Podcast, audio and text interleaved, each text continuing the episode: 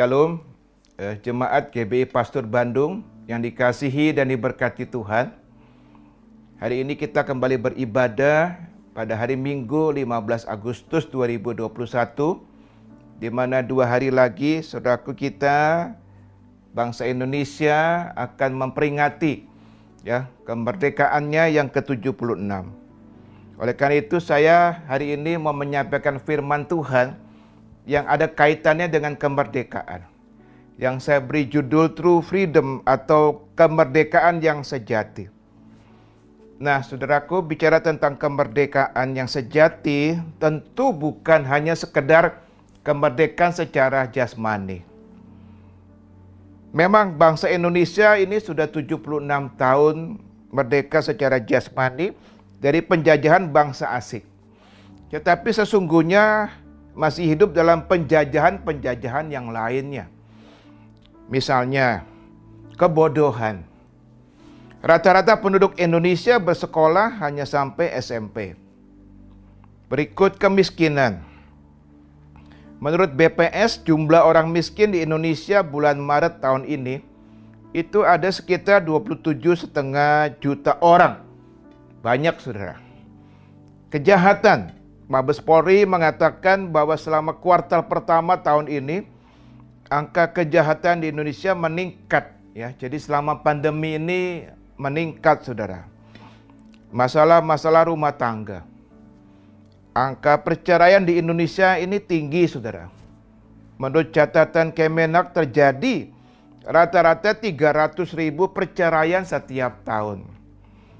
Jadi masih banyak kemerdekaan-kemerdekaan lain yang perlu kita doakan, yang perlu diraih supaya bangsa Indonesia semakin maju, saudara.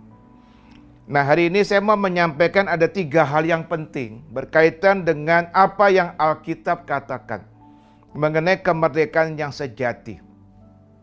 Yang pertama saudaraku di dalam Kristus ada kemerdekaan. Haleluya. Jadi kemerdekaan hanya ada dalam Kristus. Yohanes 8 ayat 36 demikian firman Tuhan. Perhatikan. Jadi apabila anak itu memerdekakan kamu, kamu pun benar-benar merdeka. Luar biasa ya ayat ini dikatakan bahwa Kristuslah yang dapat memberikan kita kemerdekaan yang sejati. Di mana kita benar-benar merdeka. Katakan amin. Haleluya. Jadi Kristus memerdekakan kita dari apa saja kalau begitu. Nah, mari kita lihat beberapa hal. Yang pertama, Kristus memerdekakan kita dari dosa. Jadi ini yang penting ya, dia memerdekakan kita dari dosa. Roma 6 ayat 18 demikian firman Tuhan. Kamu telah dimerdekakan dari dosa dan menjadi hamba kebenaran.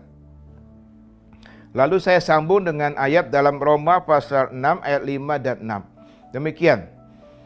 Sebab jika kita telah menjadi satu dengan apa yang sama dengan kematiannya, kita juga akan menjadi satu dengan apa yang sama dengan kebangkitannya. Karena kita tahu bahwa manusia lama kita telah turut disalibkan supaya tubuh dosa kita hilang kuasanya agar jangan kita menghambakan diri lagi kepada dosa. Puji Tuhan. Jadi dikatakan di sini Kristus sendiri yang memerdekakan kita dari dosa. Yaitu dengan kematian dan kebangkitannya, saudaraku. Tapi juga dikatakan dalam ayat-ayat tadi dengan kematian dan kebangkitannya maka saudara dan saya, kita semua sebagai orang-orang yang percaya kepada Tuhan, juga harus turut mati dan turut dibangkitkan. Bersama-sama dengan Kristus supaya kita tidak lagi menjadi hamba dosa, tetapi kita menjadi hamba kebenaran. Haleluya, hidup kita dimerdekakan saudara-saudara. Yang kedua, Kristus memerdekakan kita dari maut. Mari kita lihat ayatnya ya. Roma 6 ayat 23 demikian firman Tuhan. Sebab upah dosa ialah maut. Tetapi karunia Allah ialah hidup yang kekal dalam Kristus Yesus Tuhan kita. Maut dan kematian mempunyai hubungan yang erat dengan dosa tentunya. Tapi meskipun demikian dosa tetap bisa dibedakan dari maut tidak sama, Saudara maut atau kematian ini masuk ke dalam dunia sebagai akibat dosa. Jadi dengan kata lain tidak ada dosa maka tidak ada maut.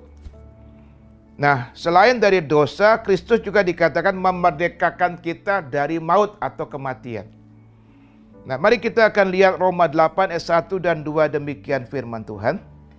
Roma 8 ayat 1 dan 2. Demikianlah sekarang tidak ada penghukuman bagi mereka yang ada dalam Kristus Yesus. Roh yang memberi hidup telah memerdekakan kamu dalam Kristus dari hukum dosa dan hukum maut. Jadi ada hukum dosa dan hukum maut. Jadi perhatikan saudara-saudara yang saya kasihi. Kematian dalam Alkitab ini ada dua jenis saudara. Yang pertama kematian jasmani.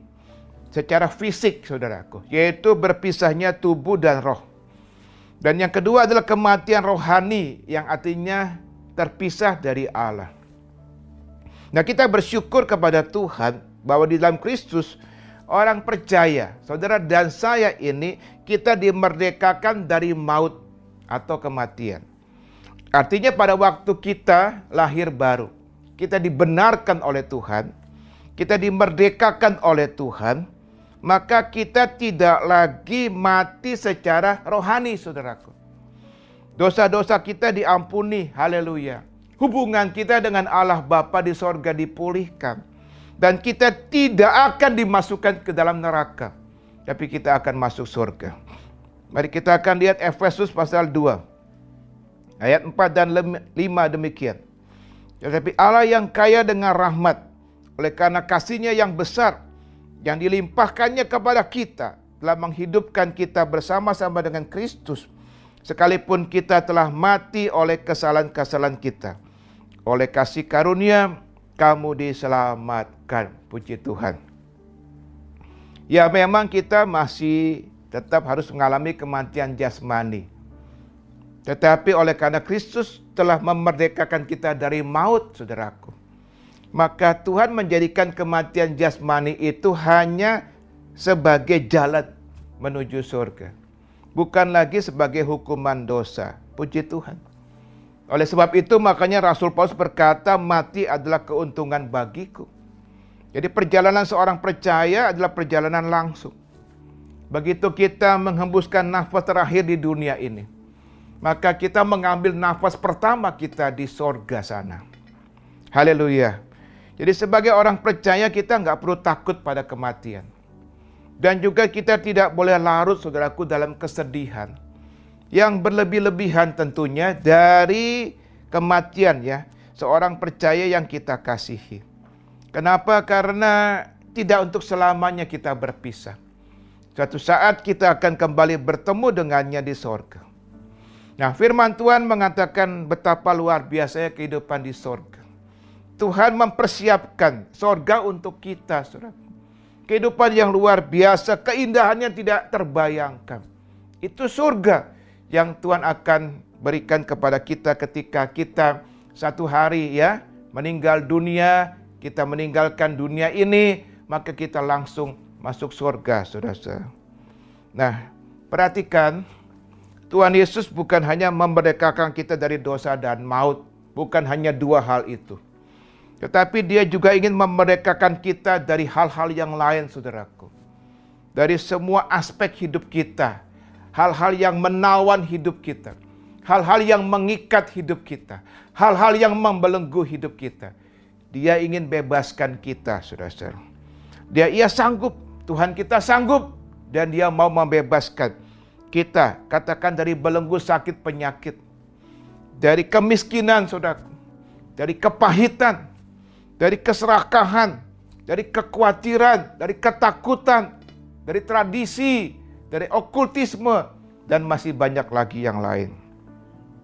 Nah, melalui ibadah online hari ini, jemaat yang saya kasihi, mari kita datang kepada Tuhan semua, supaya kita dijamah oleh Dia, dan kita boleh mengalami kemerdekaan yang sejati di dalam Dia, saudaraku.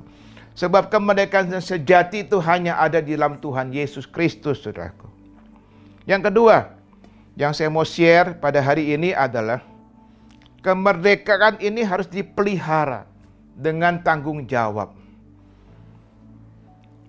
Dengan dibubarkannya negara Uni Soviet, saudaraku, secara resmi pada tahun 1991 yang ditandai waktu itu dengan mundurnya presiden ya, Mikhail Gorbachev, maka munculan 15 negara baru di kawasan Eropa Timur. Wah, dengan penuh sukacita, saudaraku, negara-negara baru ini ya yang tadinya berpaham komunis itu merayakan kemerdekaan mereka, tentu dengan gegap gempita penuh sukacita. Namun setelah kemerdekaan itu apa yang terjadi? Masuklah di negara-negara tersebut hal-hal seperti pornografi, prostitusi, narkoba dan lain-lain. Jadi saya boleh katakan ini kemerdekaan yang kebablasan saudara-saudara ya. Demikian juga sama halnya banyak orang percaya kepada Tuhan itu punya konsep yang keliru mengenai kemerdekaan di dalam Kristus, saudaraku. Mereka berpikir bahwa setelah mereka lahir baru, dibenarkan oleh Tuhan, dimerdekakan dalam Tuhan, maka mereka jadi bebas melakukan apa saja. Mari kita akan lihat dua ayat yang penting ini. Mari kita lihat. Galatia 5 ayat 13 demikian firman Tuhan. Saudara-saudara, memang kamu telah dipanggil untuk merdeka. Tapi janganlah kamu mempergunakan kemerdekaan itu sebagai kesempatan untuk kehidupan dalam dosa. Melainkan layani seorang akan yang lain oleh kasih. Satu ayat lagi saudaraku dalam 1 Petrus 2. Ayat 16 demikian firman Tuhan. Hiduplah sebagai orang merdeka dan bukan seperti mereka yang menyalahgunakan kemerdekaan itu untuk menyelubungi kejahatan-kejahatan mereka tetapi hiduplah sebagai hamba Allah. Saya kira ayat-ayat ini sudah sangat jelas mengajarkan kita bahwa kita ini sebagai anak-anak Tuhan harus pelihara, harus mengerjakan kemerdekaan yang Tuhan kasih kepada kita itu dengan penuh tanggung jawab. Bukan untuk kepentingan diri sendiri, bukan untuk kenyamanan pribadi, tetapi untuk layani Tuhan dan untuk melayani sesama kita, saudara-saudara. Mari kita perhatikan firman Tuhan kepada Musa. Kita bisa baca ini ya dalam Keluaran pasal 4 Saudaraku ayat 22 dan 23. Demikian firman Tuhan. Maka engkau harus berkata kepada Firaun, Beginilah firman Tuhan, Israel ialah anakku, anakku yang sulung. Sebab itu aku berfirman kepadamu, biarkanlah anakku itu pergi supaya ia perhatikan saudaraku beribadah kepadaku. Tetapi jika engkau menolak membiarkannya pergi, maka aku akan membunuh anakmu, anakmu yang sulung. Demikian kata Tuhan. Nah, bahasa Inggris King James ya ditulisnya begini saudaraku. Let my son go that he may serve me. Jadi dipakai kata serve atau melayani. Jadi dalam ayat ini Tuhan menjelaskan kepada Musa apa maksud Tuhan memerdekakan atau membebaskan bangsa Israel dari perbudakan di Mesir. Jawabannya adalah agar bangsa Israel dapat melayani Tuhan. Namun ketika Tuhan membebaskan bangsa Israel apa yang terjadi saudaraku? Bukannya mereka melayani Tuhan, tapi mereka melayani diri mereka sendiri. Ketika kebutuhan-kebutuhan mereka tidak terpenuhi, waduh mereka mengeluh, mereka komplain, mereka marah-marah kepada Tuhan. Kehausan mengeluh. Ya, bosan dengan mana ingin daging, mereka mengeluh, saudaraku. Mengeluh ingin kembali ke Mesir dan sebagainya. Kita lihat lagi contoh yang lain, saudaraku. 2 Samuel 7 ayat 9. Ini tentang Daud, saudaraku. Aku telah menyertai engkau di segala tempat yang kau jalani dan telah melenyapkan segala musuhmu dari depanmu. Aku membuat besar namamu seperti nama orang-orang besar yang ada di bumi. Ini tentang Raja Daud. Tuhan menyingkirkan semua musuh Raja Daud. Jadi membuat ia merdeka. Perhatikan, merdeka dari musuh-musuhnya. Namun dalam kenyamanan hidupnya ketika dia sudah merdeka, Justru dia lalai. Dia jatuh ke dalam dosa moral. Perhatikan saudaraku, kita harus serius. Benar-benar mengerjakan kemerdekaan yang Tuhan berikan itu dengan rasa tanggung jawab. Contoh lagi dalam Lukas pasal 17. Kita baca di sini kisah tentang penyembuhan 10 orang yang sakit kusta. Tuhan menyembuhkan 10 orang itu. Tetapi sedih ya, hanya satu orang yang kembali dan memuliakan Tuhan dengan kesehatan yang Tuhan berikan. Yang sembilan orang begitu saja pergi ya tidak kembali untuk memuliakan Tuhan. Jadi perhatikan saudaraku, apa yang kita akan lakukan? Tanya kepada diri kita. Ketika kita sudah dimerdekakan atau dibebaskan oleh Tuhan, tanya kepada diri kita masing-masing. Apa yang kita akan lakukan? Atau apa yang akan kita lakukan ketika suatu hari, suatu saat Tuhan memerdekakan kita. Tuhan memulihkan hidup kita. Misalkan penyakit kita disembuhkan setelah sekian lama berdoa, penyakit kita disembuhkan oleh Tuhan, apa yang akan kita lakukan? Misalnya setelah sekian lama kita berdoa, kondisi ekonomi keluarga kita, Tuhan pulihkan. Apa yang kita akan lakukan saudaraku? Misalkan sekian lama kita berdoa untuk keluarga dan Tuhan pulihkan keluarga kita. Apa yang saudara dan saya akan lakukan untuk Tuhan?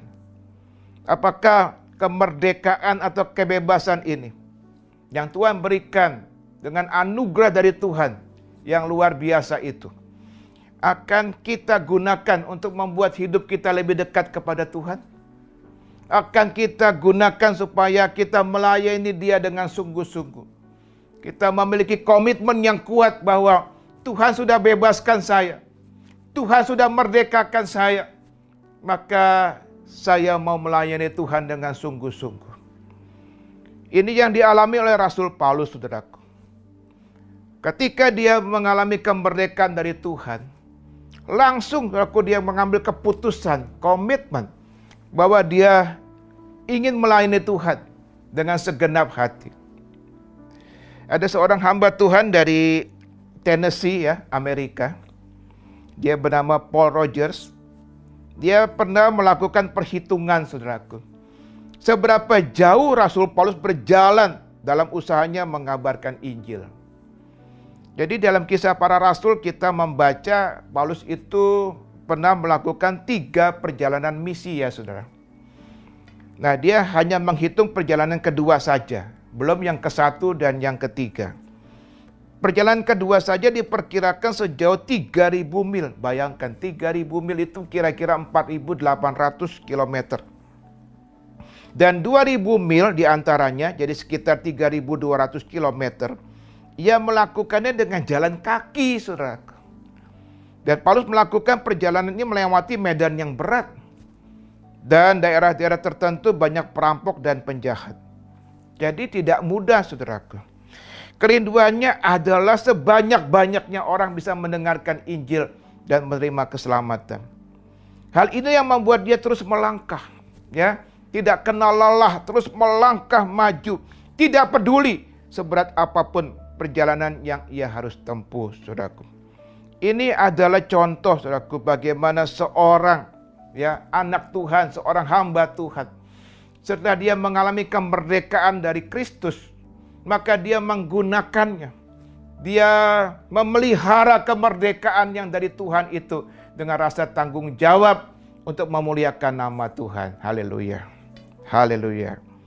Dan yang terakhir, yang ketiga, saudara, Tuhan Yesus ingin memerdekakan kita dari ketakutan.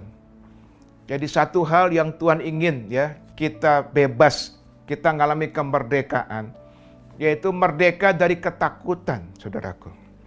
Ya, meskipun kita adalah orang percaya kepada Tuhan, tapi tentu memang normal atau katakan lumrah jika kita merasa takut, saudaraku. Perhatikan hamba-hamba Tuhan di Alkitab ya seperti Yosua, Daud, Yesaya, Paulus, Timotius dan lain-lain itu pernah merasakan takut, Saudara.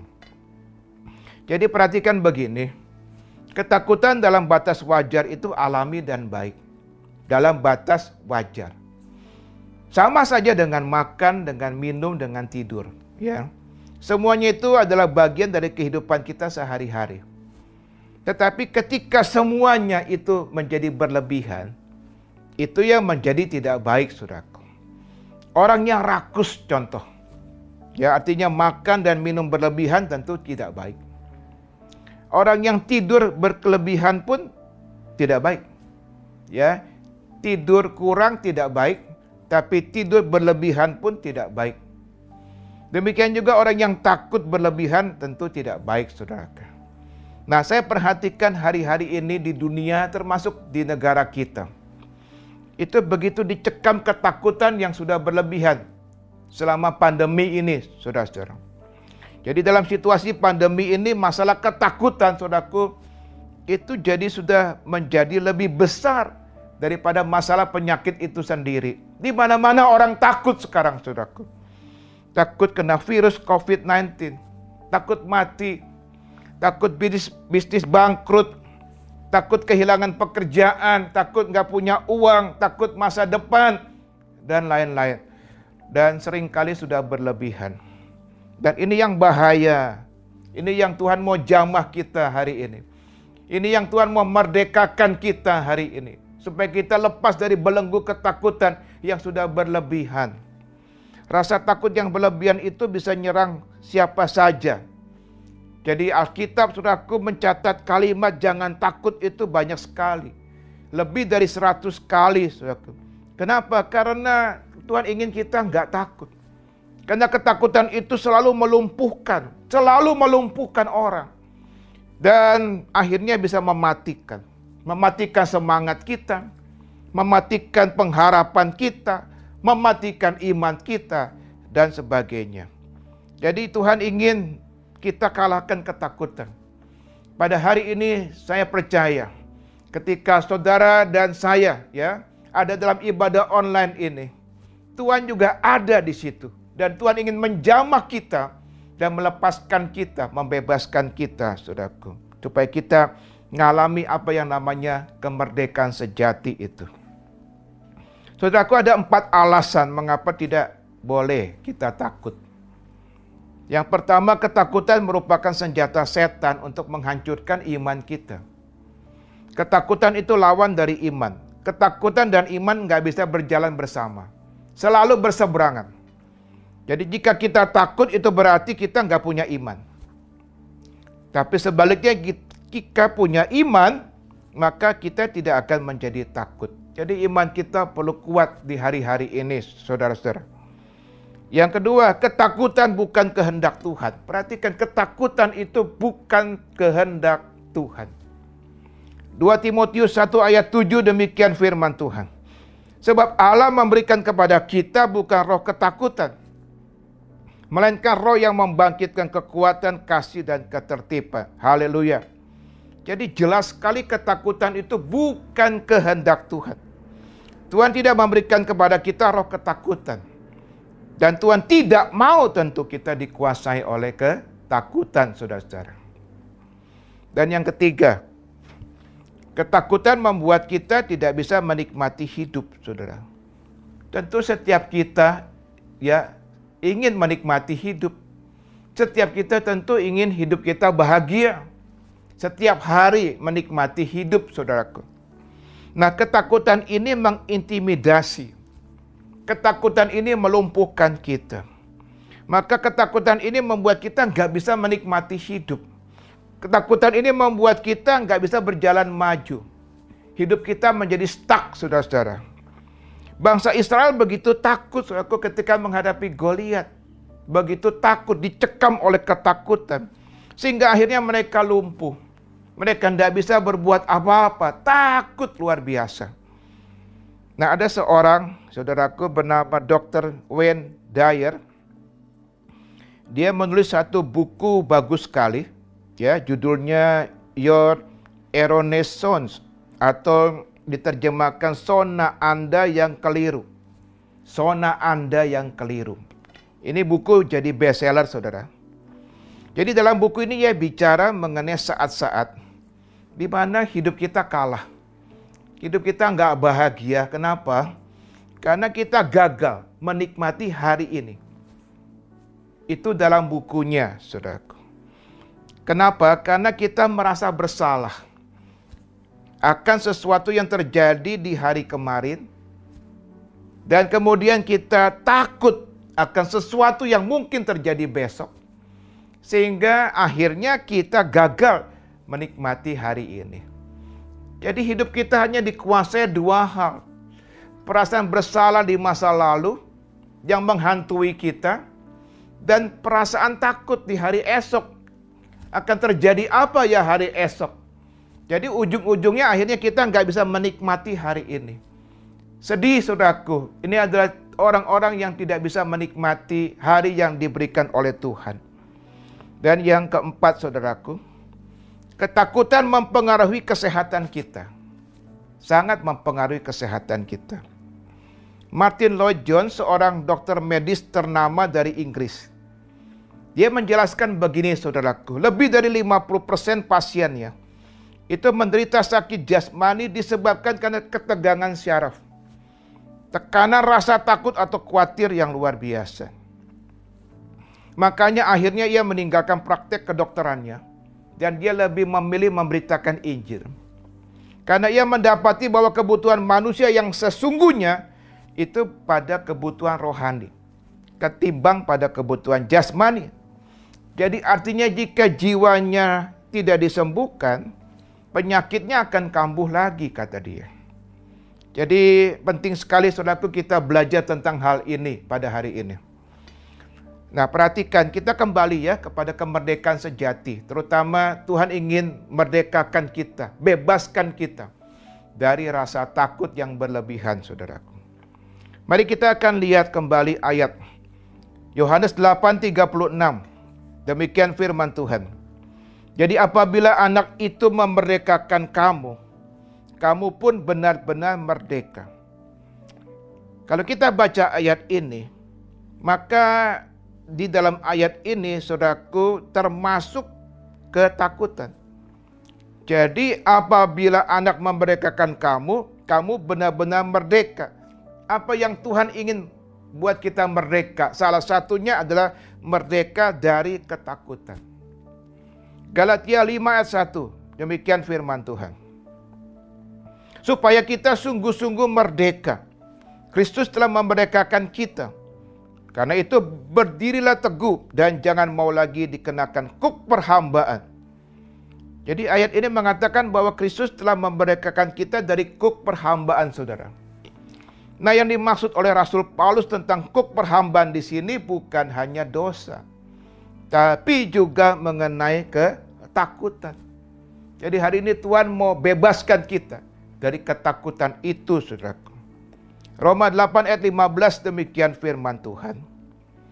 Sebab kamu tidak menerima roh perbudakan yang membuat kamu menjadi takut lagi. Tetapi kamu telah menerima roh yang menjadikan kamu anak Allah oleh roh itu kita berseru, ya Aba, ya Bapa. Luar biasa bukan ayat ini sangat memberkati. Ayat ini mengajarkan kita bahwa Roh Kudus yang ada dalam diri kita ini bukan roh perbudakan. Ya, yang membuat kita penuh ketakutan. Karena budak itu identik dengan takut, Saudaraku. Tapi dikatakan di sini adalah roh yang menolong kita. Haleluya. Sehingga kita bisa mengenal Allah kita sebagai Aba, sebagai Bapak kita, saudara, yang tentu sangat mengasihi kita. Dan supaya kita boleh mengalami kasih Bapak itu dalam kehidupan kita sehari-hari. Saya beritahu mengenal hati Bapa di sorga dan mengalami kasih Bapa itu. Itu yang akan membuat kita nggak takut, saudaraku. Atas hidup apa pun, ya, atas masa depan kita, bahkan juga terhadap kejadian-kejadian yang berlangsung di sekitar kita yang mengancam kita. Karena kita percaya Bapak kita memelihara kita. Bapak kita melindungi kita. Bapak kita sangat mengasihi kita. Mari kita lihat ayatnya saudaraku. 1 Yohanes 4 ayat 18 demikian firman Tuhan. Di dalam kasih tidak ada ketakutan. Kasih yang sempurna melenyapkan ketakutan. Di mana kasih yang sempurna itu ada dalam Bapak kita di sorga. Kasih Bapak itu kasih yang sempurna. Kalau saudara dan saya mengalami kasih Bapak, maka tidak lagi ada ketakutan. Dilenyapkan ketakutan itu. Haleluya. Sebab ketakutan mengandung hukuman dan barang siapa takut ia tidak sempurna di dalam kasih. Haleluya. Ada sebuah artikel bagus, saudaraku. Ya.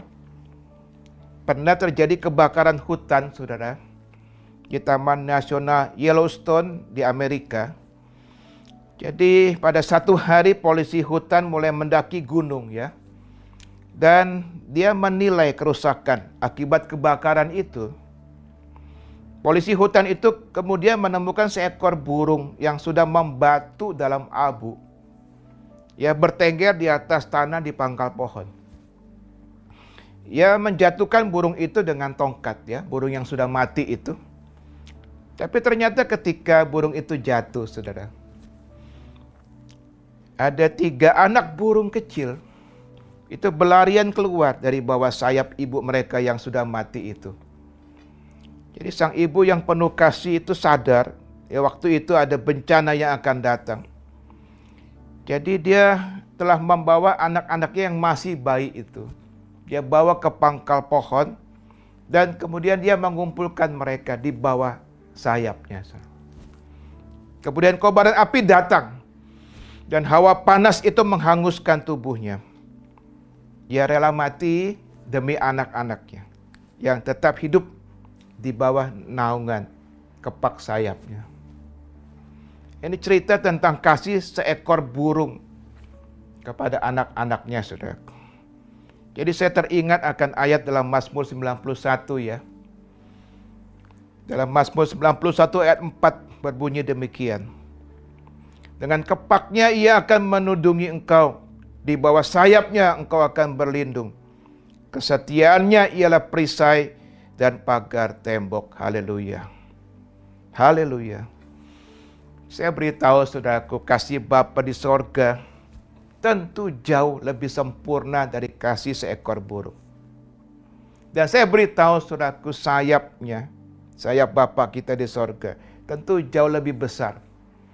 Tentu jauh lebih kuat dari sayap seekor burung. Kita pasti aman dalam perlindungannya. Di tengah pandemi ini, jangan takut berlebihan. Kita enggak menghadapi persoalan penderitaan hidup kita sendirian. Sekali lagi, tidak sendirian. Karena Tuhan selalu bersama kita. Bapak kita selalu bersama kita. Bapak kita selain menyertai kita, dia juga memberi kita kuasa. Kuasa untuk kita bisa mengatasi dan mengalahkan rasa takut. Dia pasti menolong kita. Saudara-saudara yang mengikuti ibadah ini tepat pada waktunya. Haleluya. Amin. Mari kita tundukkan kepala, kita berdoa. Tuhan kami bersyukur pada hari ini. Karena Engkau adalah Tuhan yang sanggup dan juga Tuhan yang mau memerdekakan kami dari segala ikatan-ikatan yang mengikat hidup kami Tuhan. Hari ini Tuhan menjamah setiap umatmu, jemaat GBI Pastor Bandung. Jamah Tuhan dalam nama Tuhan Yesus. Biarlah umatmu mengalami kemerdekaan yang sejati. Dimerdekakan dari setiap ikatan, sakit penyakit, ikatan ketakutan, ikatan kekhawatiran, ikatan keserakahan, ikatan macam-macam. Tuhan di dalam nama Yesus, biarlah hari ini Tuhan menjama jemaatmu Tuhan. Dan mereka boleh hidup berkemenangan. Mereka hidup dalam kemerdekaan yang sejati. Terima kasih Tuhan. Yang kau berkati Bapak Gembala dan Ibu. Dan semua hamba-hamba Tuhan. Yang melayani di gerejamu ini Tuhan. Dalam perlindunganmu Tuhan dalam pemeliharaanmu yang sempurna. Terima kasih Tuhan, terima kasih. Di dalam nama Tuhan Yesus, haleluya, amin.